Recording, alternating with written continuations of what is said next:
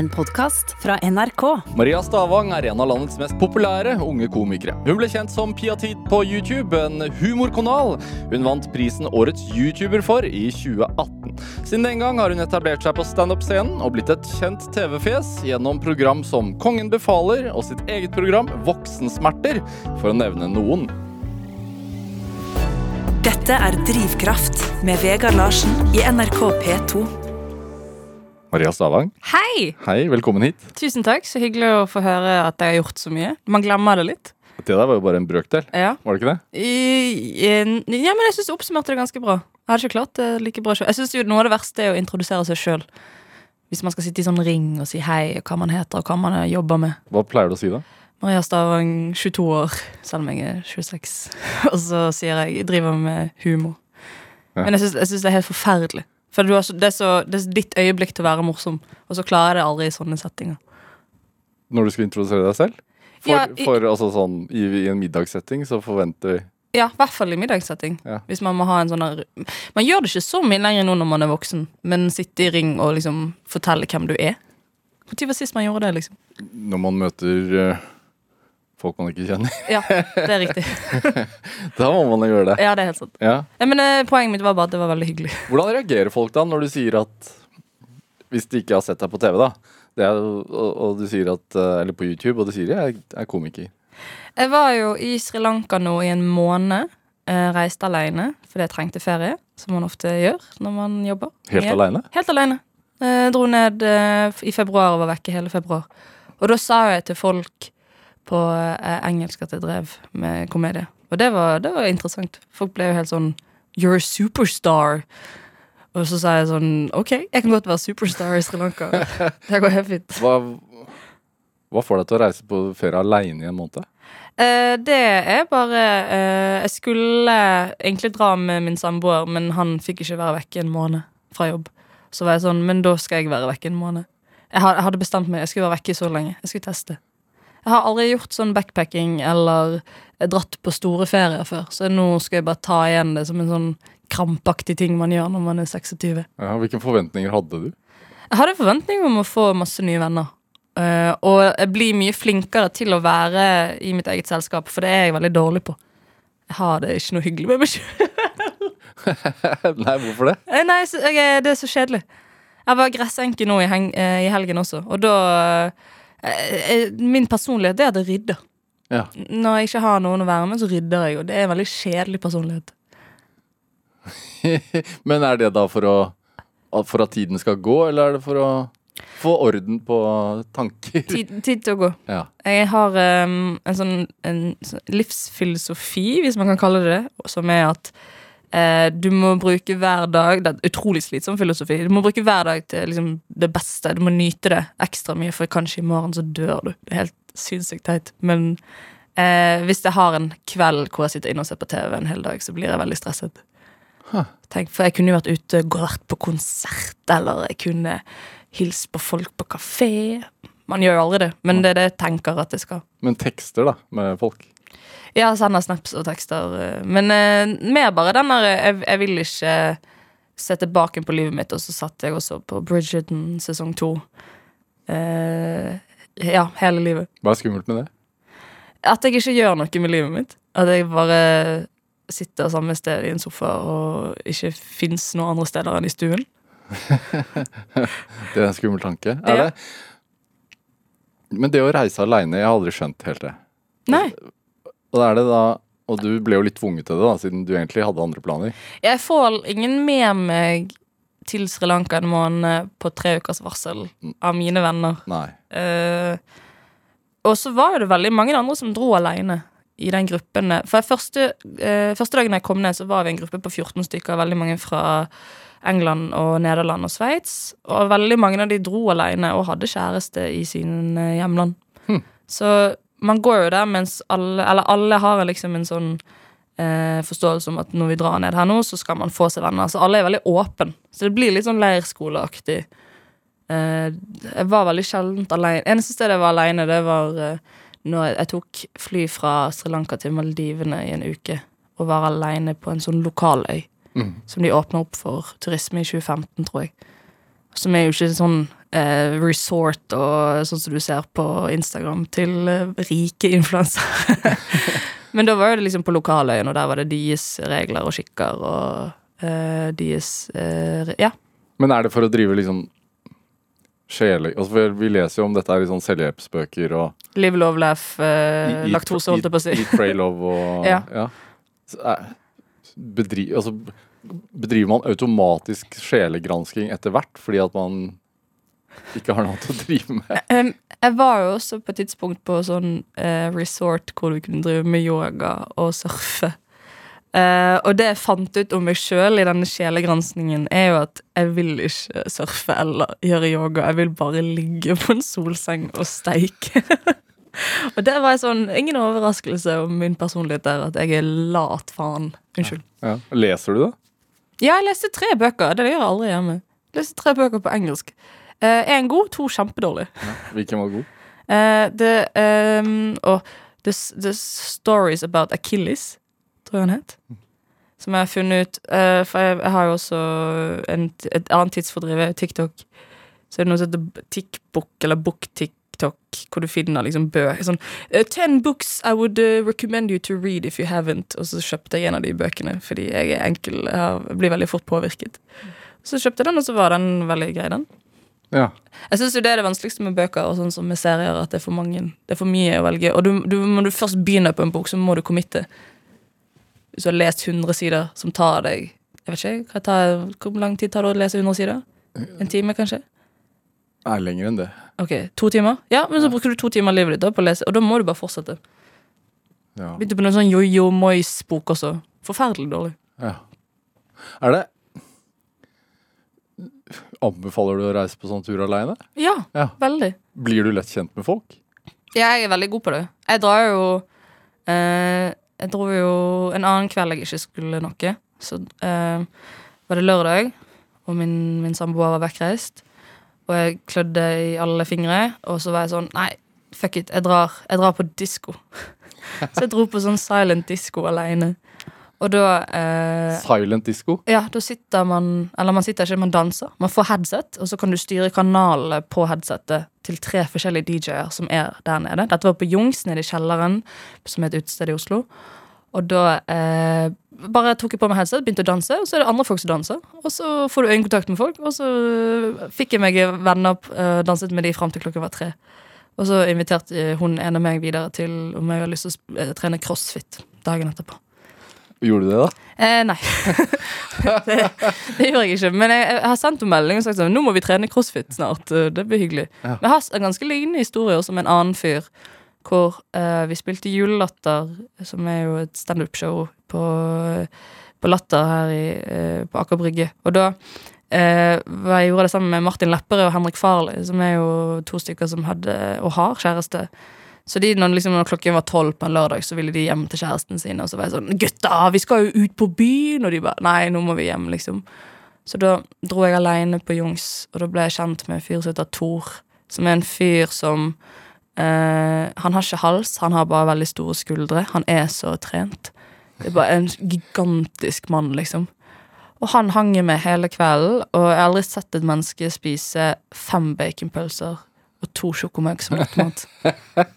Men uh, tilfeldig møte. Tilfeldig møte. Og Ja. det som skjer, er jo at eh, Nå utleverer jeg han, men det tåler han. Uh, vi sitter da på Du har ikke nevnt noe etternavn her, så det går Det greit. er jo ikke bra. Uh, Fins han i det hele tatt? Hvem vet? Eh, men nå drar vi på nach, og så sier Tor sånn uh, Skal vi stikke hjem til meg? Og så sier jeg nei. Kan ikke vi bare være her, da? Og så sier han ok. Og så var det liksom min avvisning, da, for jeg skjønte jo hva han mente. Og så sa han sånn Men vil du være med meg og trene i morgen? Og så sa jeg ja. Og så trente vi fem ganger i uken i to måneder, og så ble det pandemi. Hæ. Jeg var kjempesterk. Men andre tilfeldige møter på byen som inviterer til trening dagen etterpå? Ja. Jeg har en eller annen greie for de der treningsfrikene. Ja. Så det, mm, det er veldig enkelt å bli kjent med folk hvis du Jeg har jo også en fordel da med at man er kjent. Det merker jeg.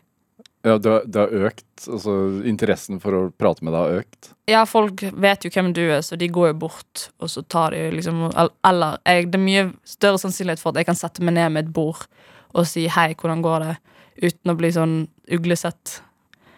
Eh, fordi de, de Og det er gøy når det er en nå- nå, Jeg hater å kalle meg sjøl det, men eh, det er gøy når en kjendis gjør det. Mm. Men det er ikke så gøy hvis bare en tilfeldig fyr som ikke du vet hvem er, setter seg ned med bordet ditt og er sånn 'Halla, hva skjer?' Hva drikker du av? Øl? Det er digg. Ja. Altså, det, som er sånn åpne samtaler. Men en, en kjent person aleine på byen med øretelefoner på silent disco er jo litt ja, men det funker. Eller, jeg, jeg skulle gjerne klart å bevise det. Men jeg, det, det, det er en av de gøyeste kveldene jeg har hatt. Hva får du igjen for det? Sånn de møtene. Eh, en god historie, først og fremst. Så du er på jobb, egentlig? Eh, ja, og så er jo det kvelder jeg husker det.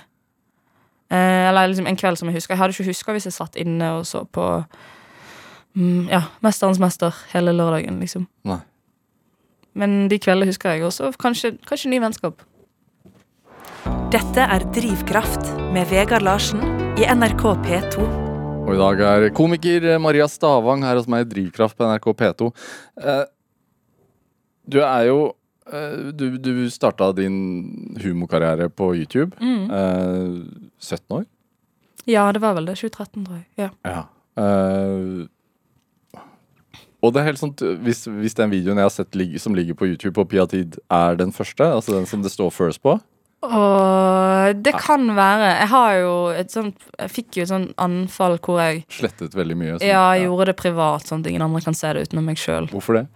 Nei, det er jo bare mm, jeg er veldig selvbevisst på at hvis man søker opp Pia-tid på YouTube, så er, kan du se noen av de videoene. Det er også noen av de videoene som ikke tåler Hva tok du bort? Jeg tok vekk mye sånn Jeg Hadde sånn en video hvor jeg snakker om sånn My first time, eh, som er jo sånn øh, ikke, det, Du har greit at du har selvtillit til å snakke om det når du er 19, men nå er det liksom Nå har du jobb, og du skal se folk i øynene. og så sånn eh, Reasons why I'm single, som var veldig sånn Veldig søt nå, da. Ja, Det var på engelsk, selvfølgelig. Ja, jeg hadde begynt Jeg skulle jo være kjempesvær i Ikke bare i Norge, men også i utlandet. Så jeg hadde det Jeg skrev på engelsk og håpet at folk skulle finne Jeg hadde litt folk fra sånn Brasil og Peru og Ja. YouTube er jo en fantastisk plattform hvis man vil nå ut. Så jeg hadde det veldig gøy de årene jeg lagde de videoene. Hva var tanken? Eh, tanken var at jeg satt og så på um, YouTube med en god venninne av meg hjemme i Bergen, da jeg bodde der. Og så tenkte jeg eh, den nyligste tanken som er Hm, det der kan jo jeg òg gjøre. Så da kjøpte jeg for min første lønning da jeg jobbet i barnehage en sommer, eh, Mac og kamera. Og så bare begynte jeg å redigere og lære meg det sjøl. Og legge ut på YouTube. Og så sa jo det ingen Jeg sa jo ikke det til noen. Mm. Så når jeg begynte på videregående, så var det ingen som visste at jeg drev med dette. Jeg sleit også litt sånn Du gjorde det i, altså, I ikke, skjulet. ikke til vennene dine engang? Nei, ikke til mamma eller noen. Jeg bare, jeg bare la det ut på engelsk, og så, så satset på at ingen skulle finne det, og de jeg kjente. Når var det Altså, Fortalte du det først, eller var det noen som oppdaget det først? Nei, da eh, må jeg eh, oute Lise Karlsnes, som er eh, Som er min eh, Hun jeg gikk i klasse med. Som Lise Karlsen. Unnskyld. Karlsnes er jo hun artisten.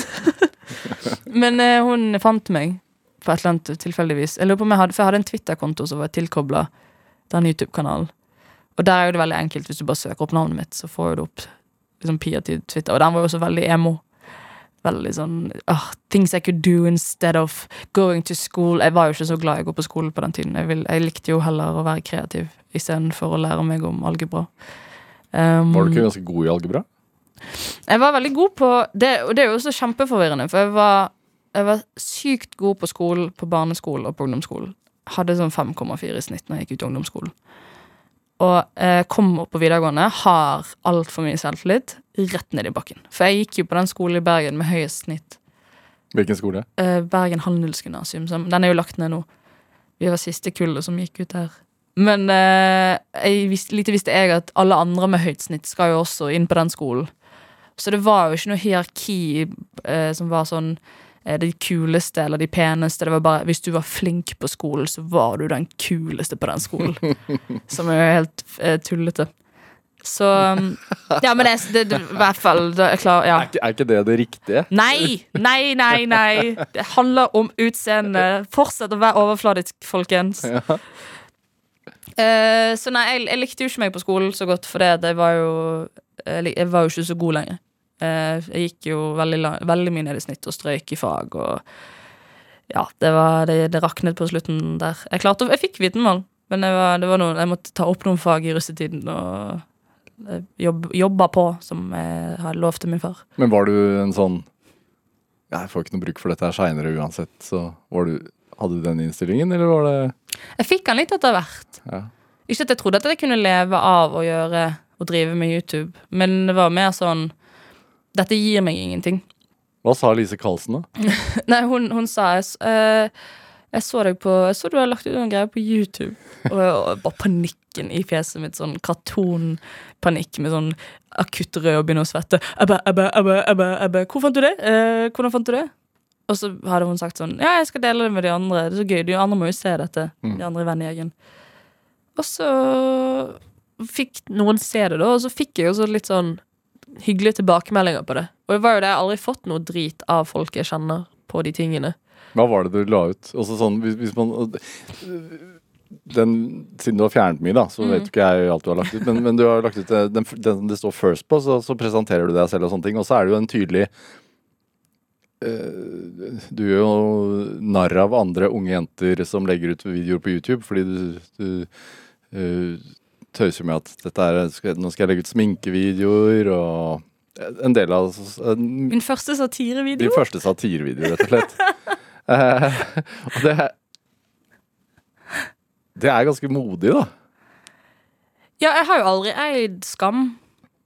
Eh, I hvert fall ikke. Det, den blir jo Jeg forsvinner bare mer og mer med årene mine. Ja. Med årene mine. Det er ikke en setning. Eh, nei, jeg har jeg, det, det- jeg har jo alltid hatt lyst til å, å være gøy, men jeg har aldri gjort Aldri vært klassens klovn eller tatt mye plass, eller kanskje med, liksom, med mine nærmeste venner.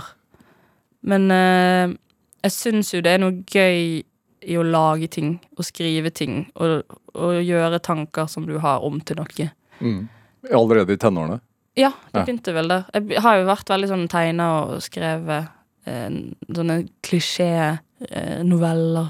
Som Eh, jeg hadde en Jeg har jo vært veldig anime- og mangafan. Og så ble jo, da blir du også forelsket i de karakterene, som er jo også eh, en, en reise for en ung, ung kvinne å være forelsket i en tegneseriefyr. En ting er sånn boyband og One Direction, men du kan på en måte ikke finne han, han med hvitt hår og sverd som bor i spøkelsesverden. Hvordan oppdaget du dette her? Vi lekte gjemsel da jeg var liten hos naboen, og så gjemte jeg meg i sengen til broren hennes. Og så hadde han sånne mangabøker oppe på hyllen over sengen. Og så fant hun meg ikke, hun brukte så lang tid, så jeg bare begynte å lese, og der, der var det gjort. Da, da var jeg hekta. Så gikk jeg ned på biblioteket i Bergen, og så leide jeg masse bøker, og begynte å lese. Hva var det som Altså, ganske stor kontrast til antageligvis de bøkene du hadde vokst opp med, da, eller som dere hadde hjemme. Jeg tror det var fordi tegneserier i Norge på det tidspunktet er jo veldig sånn én stripe, badam, push, punchline. Mm. Mens Ja. manga og anime er jo veldig historier. Det er litt sånn, sånn så det er en serie som heter Full Metal Alchemist, som jeg mener er den beste historien i hele verden. Toppe Harry Potter, liksom. Uh, Hva handler den om? det handler om eh, en, to brødre som er alkymister, som prøver å få tilbake moren sin med alkymi når de er unge. Uh, men app, app, app, det er ikke lov å tilkalle tilbake de døde, så det er konsekvenser. Så du følger deres reise da med å få tilbake en, um, det de mistet. Åh, Hmm. det var bra oppsummering. Det er lenge siden jeg har sett den. Men du sa at du var emo som tenåring? Ja, eller sånn at man skrev liksom sånne uh, historier om at jeg ble forelsket i han, og at vi ble sammen, og så lagde man liksom Tumbler-sider om disse folkene, og lagra bilder, og jeg hadde jo en mappe på Mac-en min som hadde sånn 2000 bilder med de folkene der. Ja, ja, ja. Det er jo en hobby, men bare at du putter følelser Ja. i det, og hormoner. Men navnet Piatid også? Det kommer fra min far. Oh, ja. Han har kalt meg Dette er jo en, en god og innøvd historie, fordi han eh, Det er veldig mange som spør, og det er også eh, Jeg har ikke noe bedre forklaring på det enn at min far har kalt meg det siden jeg var liten. Pia? Ja, For Pia rimer litt på Maria, og så har han bare lagt på tid på ting. Og det gjør han med andre sånn eh, For eksempel hvis det, er middag, så sier han 'er du sulten?' tid. Eh, så jeg heter Pia Tid. Min, min bror heter Jørn Christian. Og pappa kaller han for Kenon. Det lottospillet som en gang var. Ja. Og min mor heter uh, Ann-Kristin Stavang, og så kaller pappa hun bare for AKSS. Og så er det ingen som vet hva den siste S-en står for. Bare han. Hæ? Det er bare han. Ja, han har prøvd å si sånn ekkel sånn pappavits. Ja, sexy, snill eller sulten? Og så blir vi sånn Vi vil ikke vite det, pappa. Du må slutte å snakke med oss. Er det Vokste du opp i et hjem med mye humor? um, alle familier har vel intern humor. Men jeg tror ikke min familie uh, jeg, har jo, jeg er jo ekstremt miljøskadet i den grad at fis vil for alltid være det morsomste som fins i hele verden for meg. Det er, det er ingenting som topper det. Du kan ha den smarteste, beste standup-vitsen i hele verden, men hvis det er en fis til, til eh, feil, feil, eller riktig sted til feil tid, da, da knekker jeg. Det er det morsomste jeg vet. Ja. En av de første videoene du la ut, var også det. Ja. Eh, Promp er Jenter fiser også. Ja. Ja. Sånn, da du skjønner hvorfor jeg slettet det? Ja, jenter kan også fise. Mm. Tenker det. Du fikk høre det patriarkatet. Ja, jo, men var, det, var du litt sånn? Jeg, var jo, jeg likte jo å lage eh, videoer på ting jeg mente. Eh, og det er jo noen av de meningene mine som eh, jeg måtte slette. og så er det noen av de meningene som er veldig sånn Ja, dette er vel en vidåpen dør, eller hva tenker du, Stavang? Eh, men jeg likte jo å Jeg ble jo også årets meningsbærer i 2018, så jeg har vel alltid hatt lyst til å liksom si ifra om ting jeg syns er urettferdig, eller ting jeg liksom har tanker rundt. Mm. Ja. Helt for deg selv. Helt for meg sjøl. Ingen, Ingen. ingen andre skal oppdage det. Nei, Men nei, jeg nei. gjør det på engelsk, så, så, mange, så, mange, så mange ser det. Så lenge Peru får med seg det, så er det greit for meg. Men den altså, Å sitte på barnerommet og gjøre dette her og, selvfølgelig det at man Man er jo en egen altså, YouTube er et eget univers, og, og man, men hadde du noen liksom, videre tanker om at Om at dette her, her skulle bli liksom Stort. Ja, stort, ja. Mm, hadde jo vel det. Hadde jo vel en sånn YouTube Jeg begynte med YouTube da de, de største youtuberne i Norge var Prebz og Dennis. Mm. YouTube i dag er jo Det er så mange som lever av det. Og har liksom en karriere og får inntekt ut ifra å drive med YouTube. Uh, men jeg, jeg tror det jeg gjorde i Norge som ingen andre hadde gjort, var jo humor. Jeg prøvde i hvert fall. Mm. Alltid gøy å kalle seg sjøl for humor, men uh, Nei, jeg prøvde jo å lage humorvideoer, og så tenkte jeg at hvis dette her kan bli til For jeg så jo opp til andre store youtubere som hadde liksom millioner og millioner av subscribers og flere hundre tusen visninger på videoene sine. Som hvem? Uh, Jenna Marbles så jeg veldig opp til. Og Casper Lee. Og så var det mange av de britiske som jeg ikke kommer på hva heter lenger. Men ja, Jenna Marbles har liksom alltid vært den jeg har sett opp til. Og hun, har jo bare, hun driver jo bare med kødd. Hun sier 'i dag vil jeg farge håret rødt', og så er det en video. Så farger hun håret sitt rødt hjemme. Og så kjæresten må hjelpe. Ja. Ja. Så hun, nei, hun har alltid syntes det vært Og jeg tror liksom tenkte kanskje det Kanskje det kan jeg gjøre en dag. Men også Jeg var jo også realistisk og tenkte at kanskje jeg må ha en jobb ved siden av også. Så jeg jobba jo veldig lenge etter eh, folkehøyskole. Så jobbet jo jeg i barnehage ved siden av og drive med YouTube. Var du Hvordan var du som ung, da?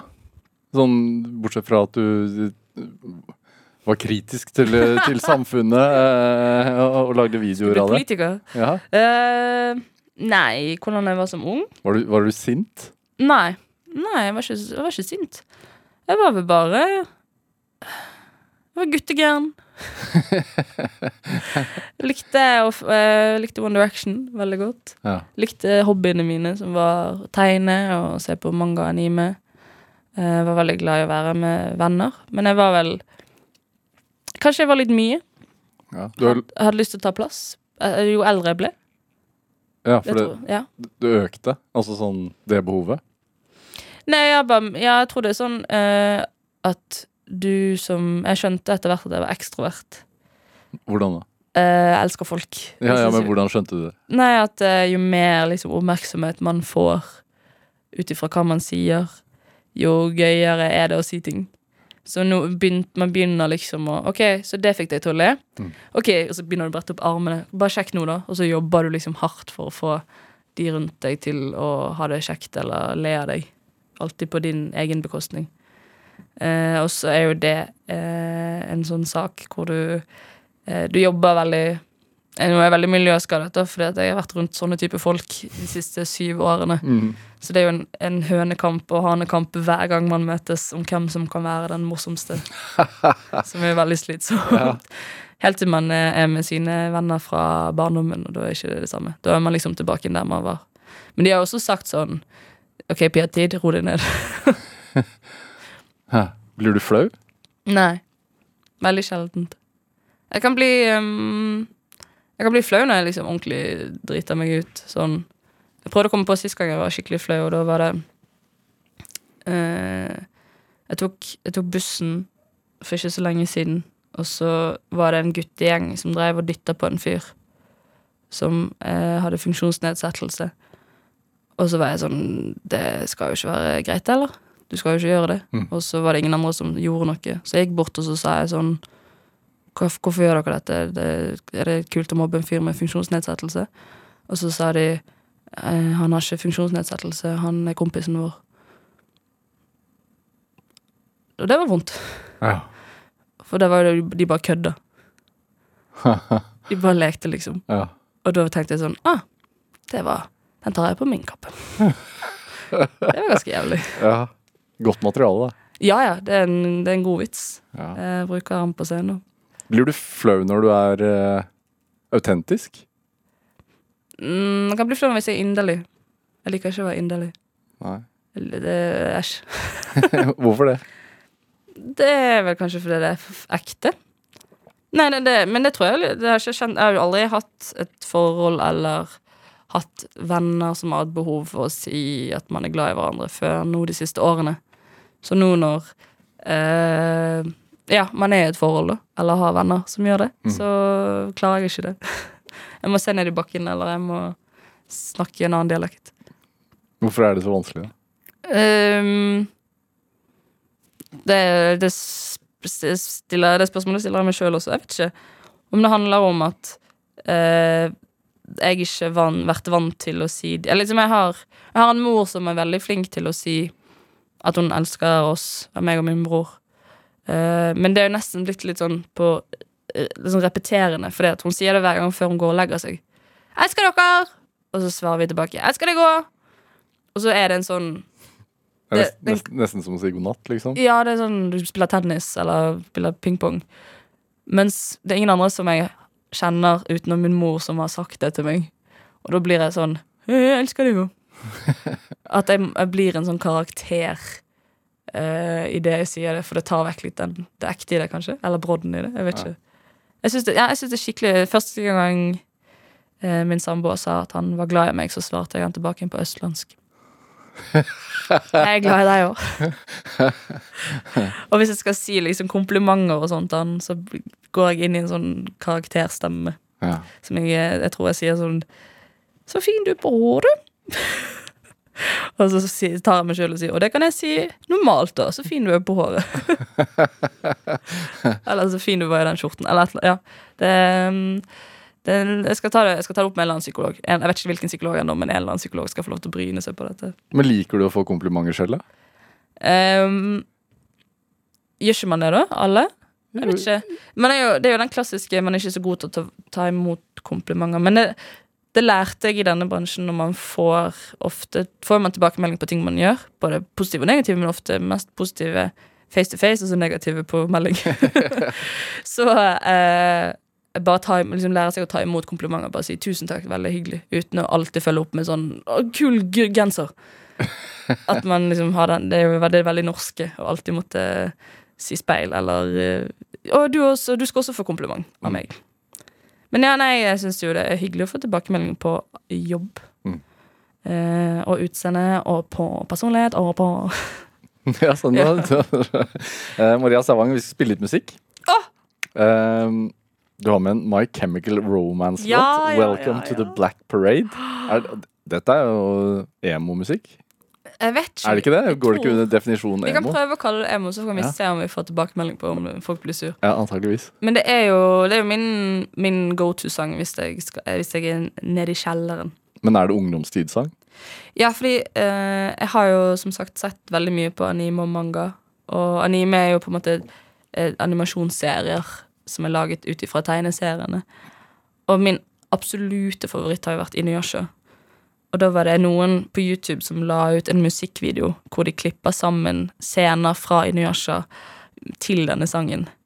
Og var, da var det for mye følelser for eh, 14 år gamle Maria, altså.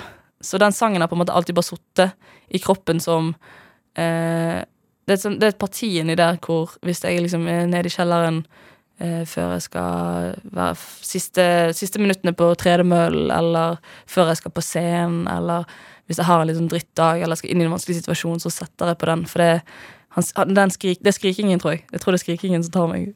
Det gir styrke. Ja. Ja, skal vi høre.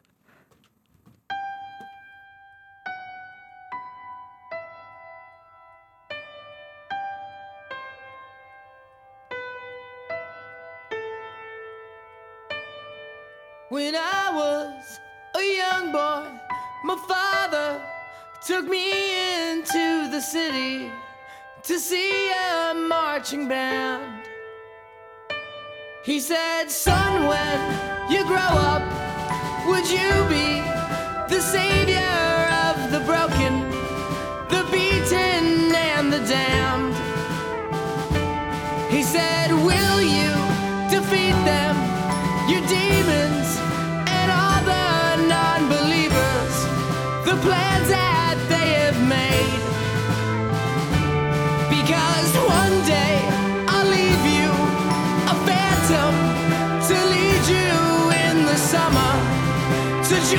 the black parade.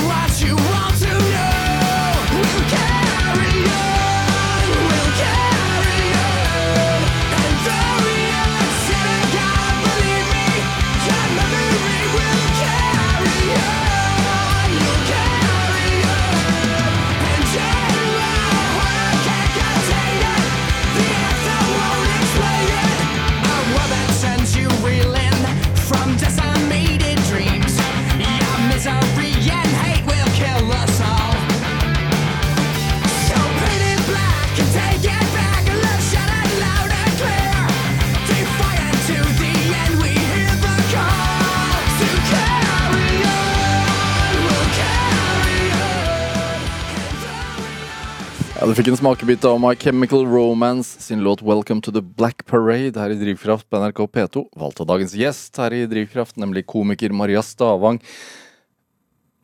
Hei! Det var, var stillhet for lenge? Nei, jeg ville bare, jeg ville bare si at jeg er her. Det er veldig hyggelig av deg. Standup. Mm du, du, har, altså, du har ikke lagt ut en YouTube-video på Pia-tid på fire år. Eh, når var det du begynte å stå på scenen, som det heter? Jeg gikk på folkehøyskole da jeg eh, var ferdig på videregående. Og der var det en linje som het standup på revy. Og da gikk jeg i klasse med eh, 15 gutter og meg. Som er jo litt sånn som jobben er nå om dagen også. At hvis man har klubbkvelder eller gjør standup, så er man ofte eneste jenten. Og som jente så må du jo svare på spørsmålet hvorfor er det sånn. Eh, ja, nei, det er jo eh, Det er altså, burde jeg nesten begynt å ha sånn innøvd svar på. Eh, det korteste og mest forklarende svaret på det føler jeg ofte er at jenter har eh, mye lavere selvtillit, men høy selvinnsikt, og gutter har høy selvtillit og lav selvinnsikt. og at det er veldig mange gutter som tenker at de kan begynne med humor, og så gir de seg ikke. Mens jentene har ikke liksom det første um, steget til å liksom tørre å gå ut på den scenen. Det er jo kjempeskummelt. Men sånn, rent sånn humorfaglig så er jo da veien fra å, lage humorvideo på YouTube til å stå på en scene, er jo litt som å gå fra digitalt til analogt. Altså du går tilbake i, i Altså på standup-scenen har folk stått i årtier, ikke sant? Mm. Uh, mens du gjorde jo suksess med noe helt nytt. Mm. Hvorfor hadde du lyst til å hva skal man si, gå mer tradd? Um, det var jo disse, det var jo dette året på folkehøyskole som gjorde at jeg um, fikk lov å smake på den delen av å stå på en scene, og da får du akutt respons, eller du får liksom Det gjorde du ikke med musikkvideoer. Nei, jeg lagde jo aldri musikkvideoer på YouTube.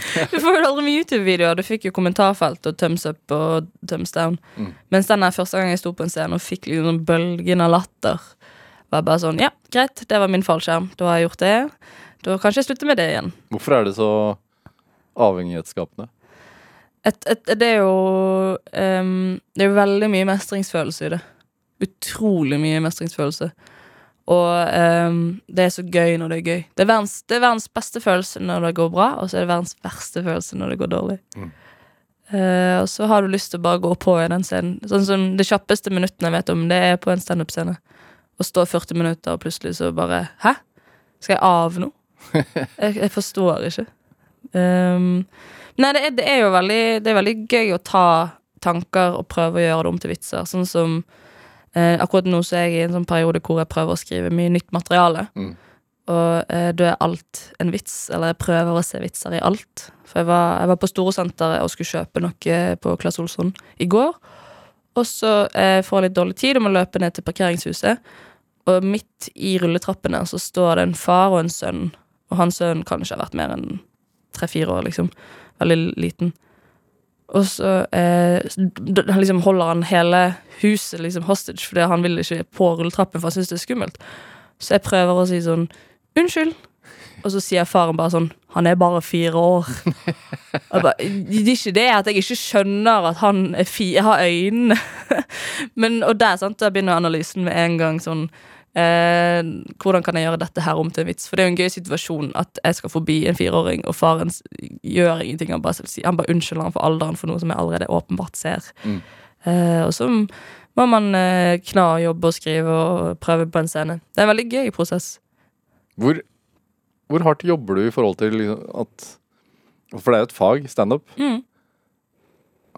Og du har gått på Du har nærmest tatt en utdannelse da, på folkehøgskolen. Ja, Du kan ikke kalle det en utdannelse. Det var, det var noen vafler og noe joggebukser der. Nei, men Hvordan jobber du med faget?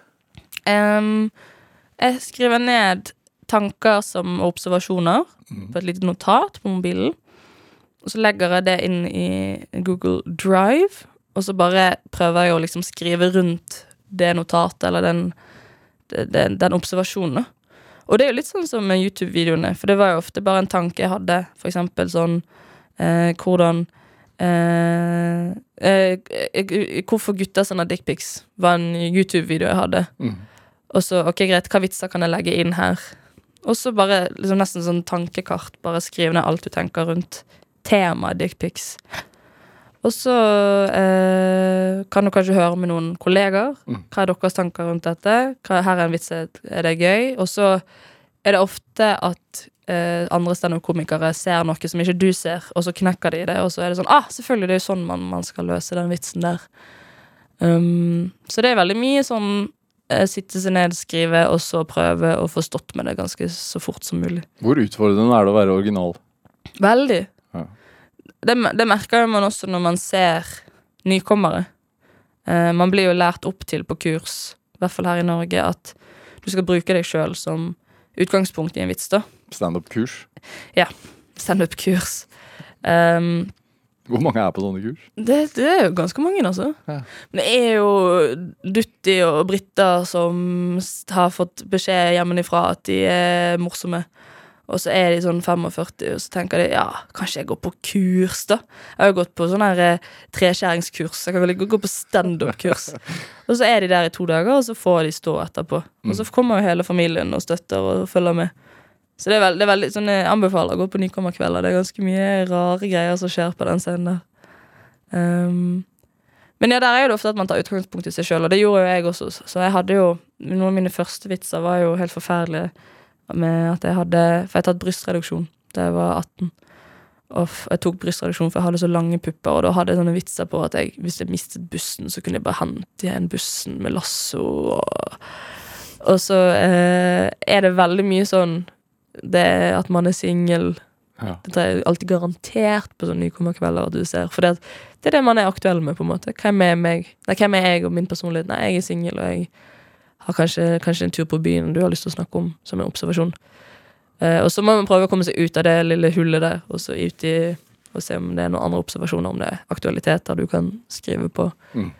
Eh, eller Ja.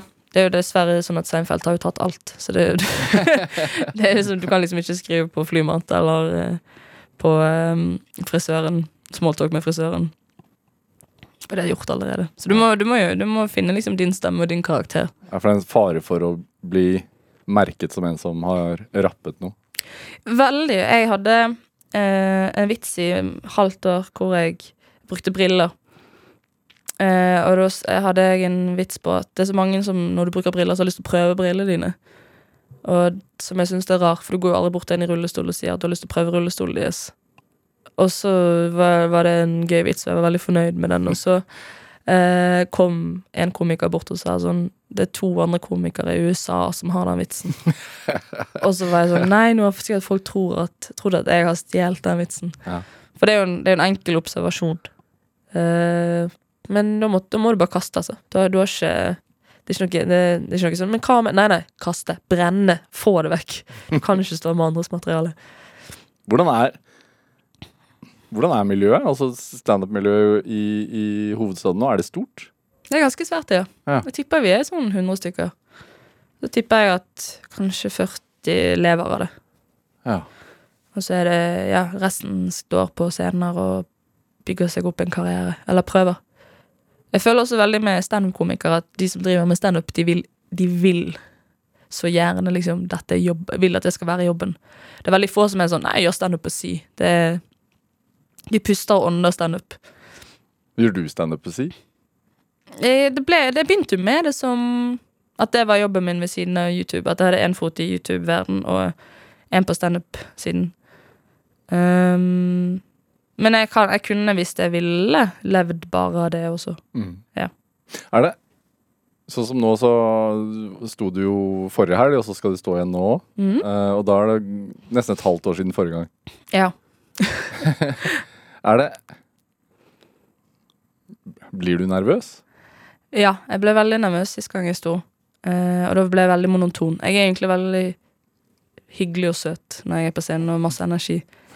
Og så uh, gikk det ikke bra, og så spurte jeg um, han jeg sto med, Martin Lepperød, om hva som skjedde. Så sa han nei, du kan jo prøve å ha selvtillit, da. Er det, er det et hardt miljø? Uh, ja, ja, ja. Mm. Du får tilbakemelding. Du blir ikke dulla med der, nei.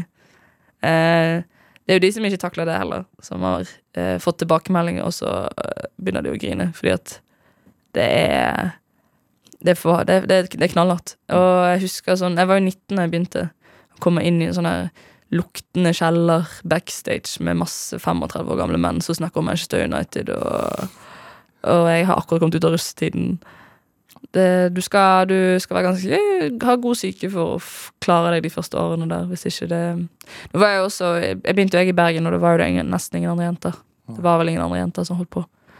Så du må Ja, du må bare stole på at du Dette får du til. Selvtillit. Ja. Hvor har jeg fått det fra? Ja. Um, det tror jeg begynner med at man får tilbakemeldingen på at det man gjør, er bra. Og så tror jeg det er mer at jeg ikke har så mye å tape, tenker jeg. Jeg har ikke så mye skam rundt det.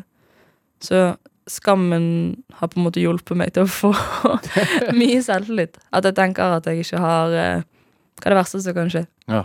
Men det, men, det er jo en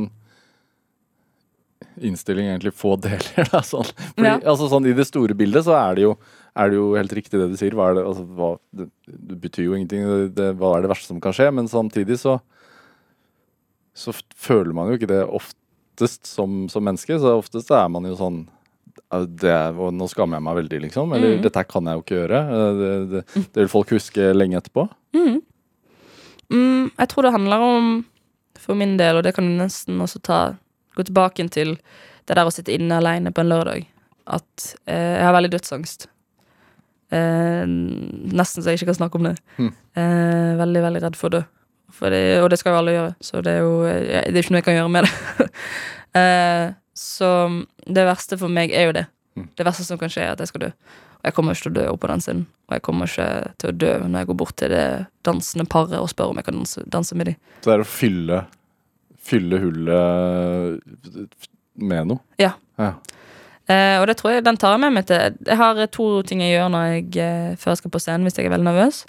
Det at jeg sier til meg sjøl dette er ikke gale, husk at du skal dø en dag, det er mye verre. Eller så slår jeg meg to ganger på rumpen og så sier jeg husk at du er Jonis Josef. For det er han jeg vet om i verden som har høyest selvtillit. Men er den altså, har, har du alltid hatt en dødsangst? Nei, det har kommet med årene. Ja. Mm. Jeg tror det er bare fordi man har begynner, altså, midten av 20-årene, selvfølgelig. Ja. Begynner å merke at nå nå, Kanskje nå, nå ja, den kvartlivskrisen det. ja, For du har også laget en egen TV-serie som heter Voksensmerter, som også handler om overganger, da. Mm. Uh, ja, ja, det jeg, vet, jeg tror jo kanskje fordi man har et veldig bra liv, da. Mm, Jeg har folk jeg er glad i, og folk som er glad i meg. Ja. Og ting har løsna. Har, jeg har jo på papiret nå har jeg det veldig, veldig bra. Og så Frykter du at det skal ta slutt? Ja, at jeg ikke lenger kan leve det livet som jeg lever akkurat nå. Og det er jo realiteten også.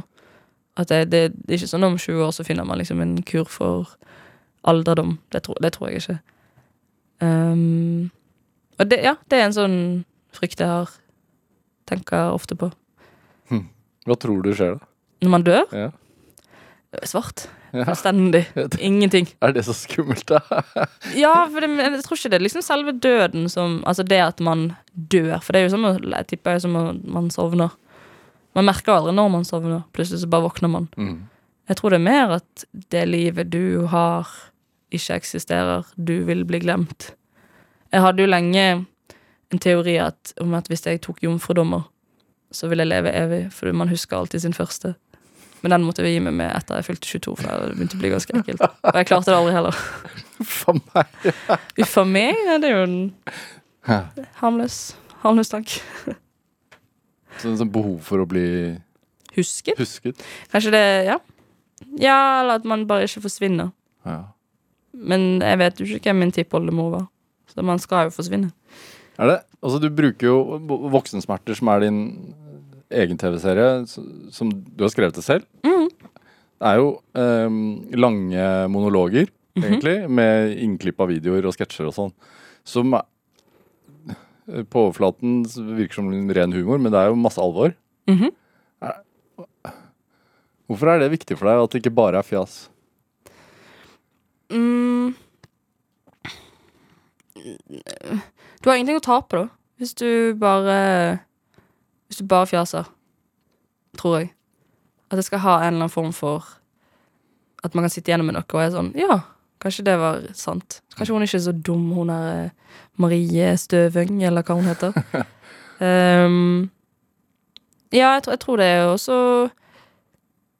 Jeg syns det er gøy når man knekker koden om å både være at det er humor og at man er litt seriøs. Mm. Er, det er en vanskelig ting. Selv om det gøyeste er jo bare å putte på en parykk og eh, synge, synge viser. Som er visst en ny humor jeg skal begynne med. ja, tydeligvis. Ja, tydeligvis. Musikkvideoer og Ja. viser. Ja. Men eh, nei, kanskje det handler om den der å å ikke bli glemt. Hm. Eh, jeg tror jo også man Men Jo. du, altså, det er sånn kritisk til det overfladiske, da. Siden også den første videoen du la ut på YouTube var sånn Dette her er sminkevideoer. Nei da, det er ikke det. Kanskje man har behov for å ta noen. Ja. Jeg tror kanskje jeg har det. Jeg skal ta, jeg skal ta et oppgjør med meg sjøl og se, se meg sjøl inn i speilet og si hvem er det du har lyst til å prøve å ta.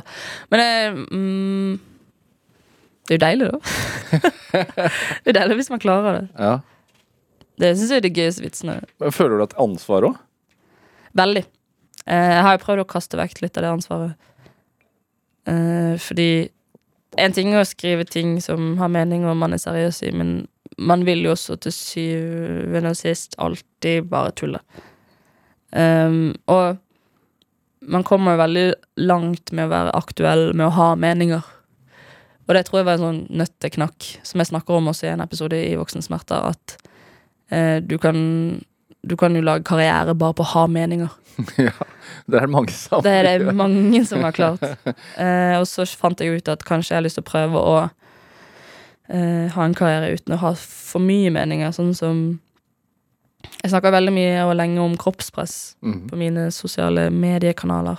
Og så ble jeg litt lei av å alltid måtte snakke om det på, hvis jeg skulle være med på intervju på eksempel talkshows eller på radio. Eh, eller på God, God sommer Norge, for eksempel. Mhm.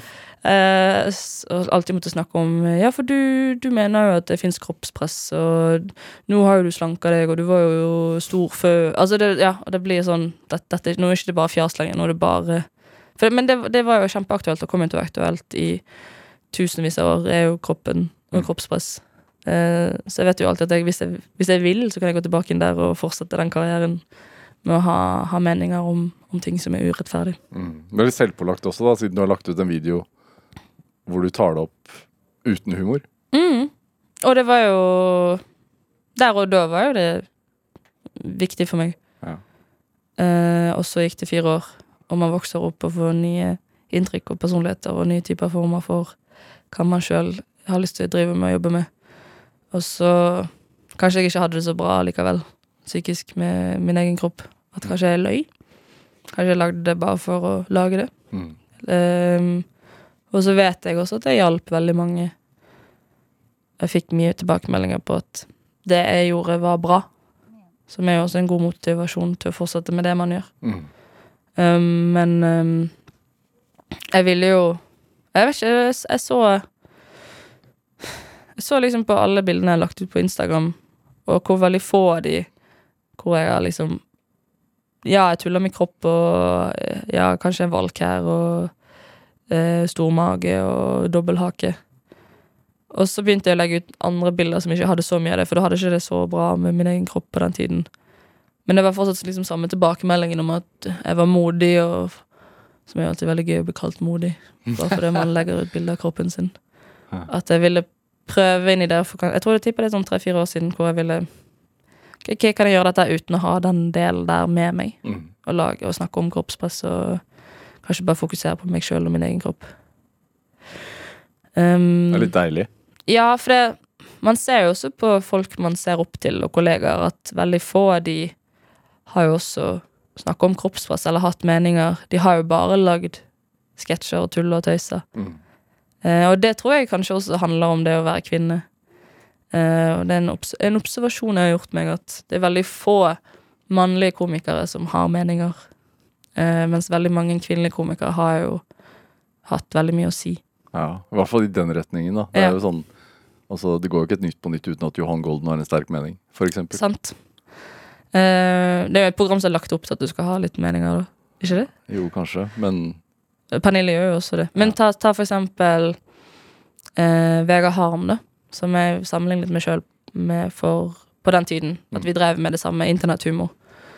Eh, men Vegard bevisst sa jo at han aldri ville ha en mening fordi han takla ikke den stormen med skit som kom med det å ha mening. For du får jo de fine tilbakemeldingene, men du får jo også beskjed om at du er en tjukk hore Mm. eh, fordi du mener noe som er en, en del du Hvis ikke du takler det, så takler ikke det. Mm.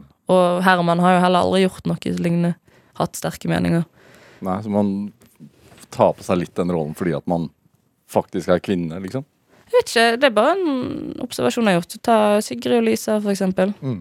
Uh, ja, Sigrid har jo blitt trua på livet fordi hun har snakka om uh, Sylvi Listhaug, liksom. Og at det hun gjør, er feil.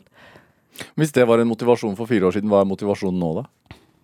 Det er jo å kunne um, lage det jeg sjøl syns er gøy. Tror jeg. At det jeg driver med, er eh, At jeg kan se tilbake på det og tenke sånn Ja, nå er det litt alvor, bare fjas.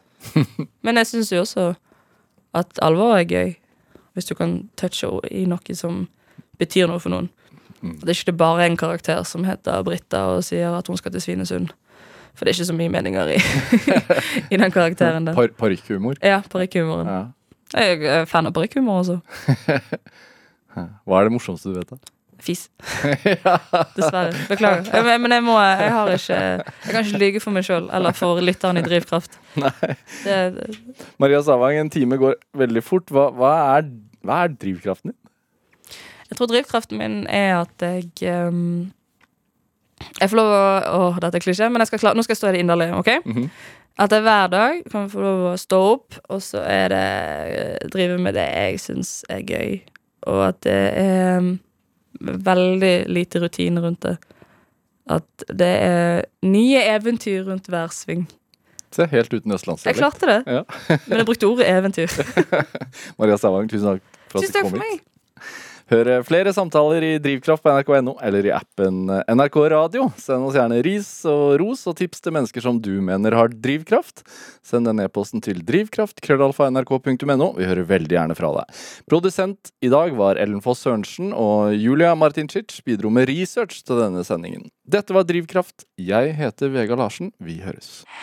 En podkast fra NRK. Alle utenfra tror jo at dette er noe vi har funnet på. Hei, jeg heter Kristi Hol. Over hele landet finnes det oløste mysterier. Straks ble hun angrepet av en stor bjørn. Oss tar det med dit de oppsto, og forteller historiene. Jeg var antagelig sist, kanskje, den siste sesongen i livet. Møt dem som har kjent det på kroppen. Hun var råtten i ansiktet. Det kom bare sånn surklelyder ut av henne. Mysterier fra Norge hører du først i appen NRK Radio.